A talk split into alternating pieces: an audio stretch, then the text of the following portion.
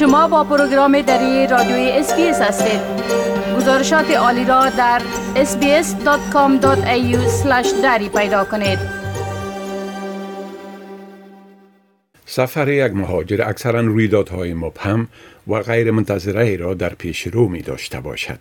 یکی از این ابهامات در مورد رسیدگی کردن به مرگ یک عزیز یا دوست است. دانستن چگونگی برگزاری مراسم تشییع جنازه در استرالیا یک امر ضروری است. هنگامی که مرگ رخ می دهد، اعضای خانواده در افسردگی و اندوه فرو می روند و ممکن ندانند که چی کار باید بکنند. برای بسیاری این می تواند اولین تجربه باشد. ماتیو کوریاکوس که در جنوب شرق ملبورن به سر می‌برد می‌گوید که وقتی چند سال پیش در خانوادهش مرگ اتفاق افتاد آنها نمی‌دانستند پس از آن چی کنند.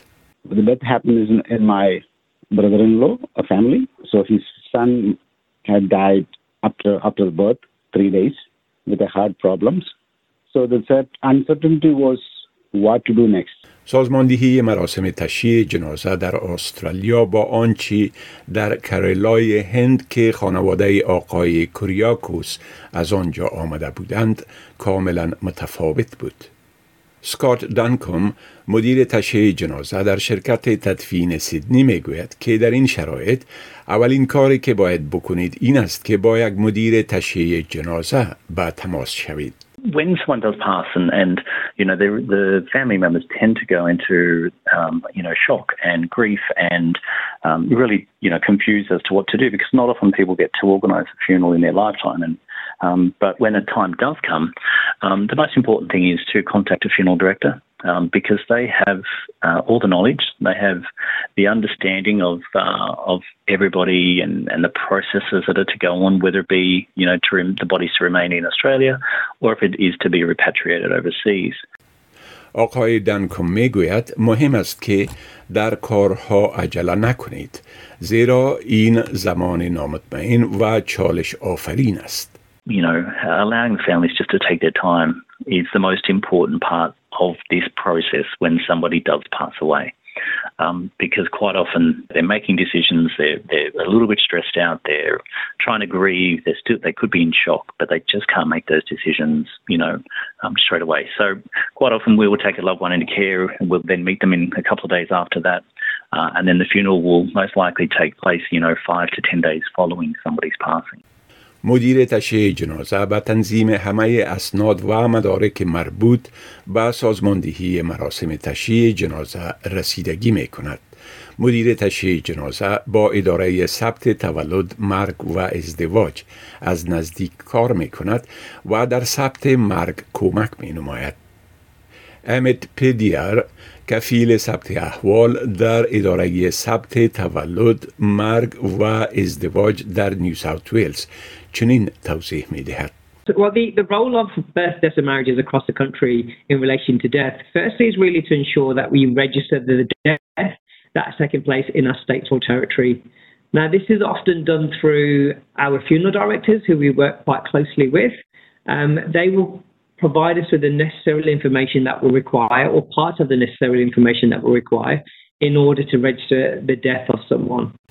تصدیق مرگ یک سند رسمی است که ثبوت را در مورد مرگ شخص فراهم می کند. این همچنان مدرکی در مورد رابطه شخصی است که فوت کرده. این با خانواده ها در جریان عملیه اداری مرگ پس از فوت شخصی کمک می کند. تشییع جنازه پس از صدور تصدیق مرگ و انجام امور رسمی دیگر برگزار می شود. در بعضی موارد ممکن نیاز برای بررسی علت و سایر عوامل مرتبط به مرگ یک شخص موجود باشد. در این گونه موارد یک دکتر طب عدلی درگیر خواهد شد. جکی هاکنز معاون طب عدلی ایالت ویکتوریا سه موضوع بخصوص را که طب عدلی انجام می دهد توضیح می کند. We investigate unexpected and unexplained deaths including homicides, road accidents, suicides, and overdoses. And there's about 7,000 cases a year in Victoria. And our role is to establish three specific things. the identity of the deceased, the cause of death, and the circumstances related to the death. هنگامی که طب عدلی درگیر می شود زمان سازماندهی مراسم تشییع جنازه ممکن فرق کند و مربوط به آزمایشات مختلف باشد که دکتر عدلی باید برای تشخیص علت مرگ انجام بدهد. آقای کوریاکوس می‌گوید تا جایی که به مخارج سازماندهی مراسم تشییع جنازه ارتباط می‌گیرد مخارج می تواند بسیار زیاد باشد. newly migrated family, we don't have that money, that was money to spend towards their funeral. I had to search for them few funeral companies, even though we we don't aware what was the next. Then they advised that so this is a procedure. You have to ask so and so questions. Is the funeral? How it will be? What is service they provide? I called up the central services. مدیر تشییع جنازه با یکی از اعضای خانواده شخص متوفا ارتباط برقرار می کند تا شرایط مربوط به تشییع جنازه را درک کند. آنها به یافتن مراسم تدفین مناسب و قابل توان مالی برای خانواده کمک می کنند. آقای دنکم انواع تشییع جنازه را این گونه توضیح می دهد. There's burial, there's cremation, all different types within that as well. And it's up to the family, I guess, as to what they wish to you know, choose and, and what was their loved ones, or maybe what's their you know, culture or their customs around you know, the different types of funerals. آقای دنکم می‌گوید مهم است که با مدیران مختلف مراسم تشییع جنازه صحبت کنید و گزینه های را بیابید که بیشتر پاسخگوی ضرورت های فرهنگی و مذهبی خانواده شما باشد. To be able to assist those cultures into doing what they're used to doing um, in their home country is just a beautiful part of what we do and, and how we do it as well. Not all funeral directors will do it. Some may specialise in a culture um, and others just may not have the skill set or the ability to be able to cater for it as well. طور مثال طبق قانون اسلام تشییع جنازه باید فورا پس از فوت یکی از عزیزان آغاز شود و باید به سرعت ممکن دفن شود.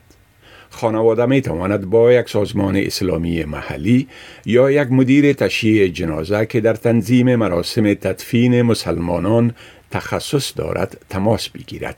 جکی هاکنز معاون طب عدلی ایالت ویکتوریا می گوید وقتی که یک دکتر عدلی درگیر می شود اقدامات مختلف برای حمایت از جوامع چند فرهنگی با شمول ارجاع برای مشوره روانی غم و اندوه انجام می شود. Every family is provided with a brochure um, which is called What Happens Now and it explains in plain English our processes in simple terms. And this document and some of our other documents can be found on our Coroner's Court website, and some of the documents have been translated into 15 of the most widely used languages. ایجابات مربوط به ویزا هم با در نظر داشت نویت ویزای شخص متوفا وجود دارد. مدارک مناسب برای تحویل دادن به سفارت کشور اصلی شخص متوفا باید آماده شوند. آقای دنکم می‌گوید که مدیر مراسم تشییع جنازه از نزدیک با نهادهای مختلف کار می کند تا اطمینان حاصل شود که این کار به درستی انجام می شود. پس از آن که شخصی می میرد مهم است که این معلومات به اطلاع سازمان ها و نهادهای مربوطه رسانده شود. پلتفرم اطلاع مرگ استرالیا وسیله است که در مطلع ساختن چندین سازمان در مورد مرگ شخصی کمک می کند.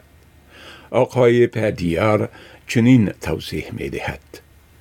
So this is a free national government service that allows multiple so allows an individual uh, really to notify multiple organizations um, of a death via a single online platform. بپسندید، شریک سازید و نظر دهید. اسپیس دری را در فیسبوک تعقیب کنید.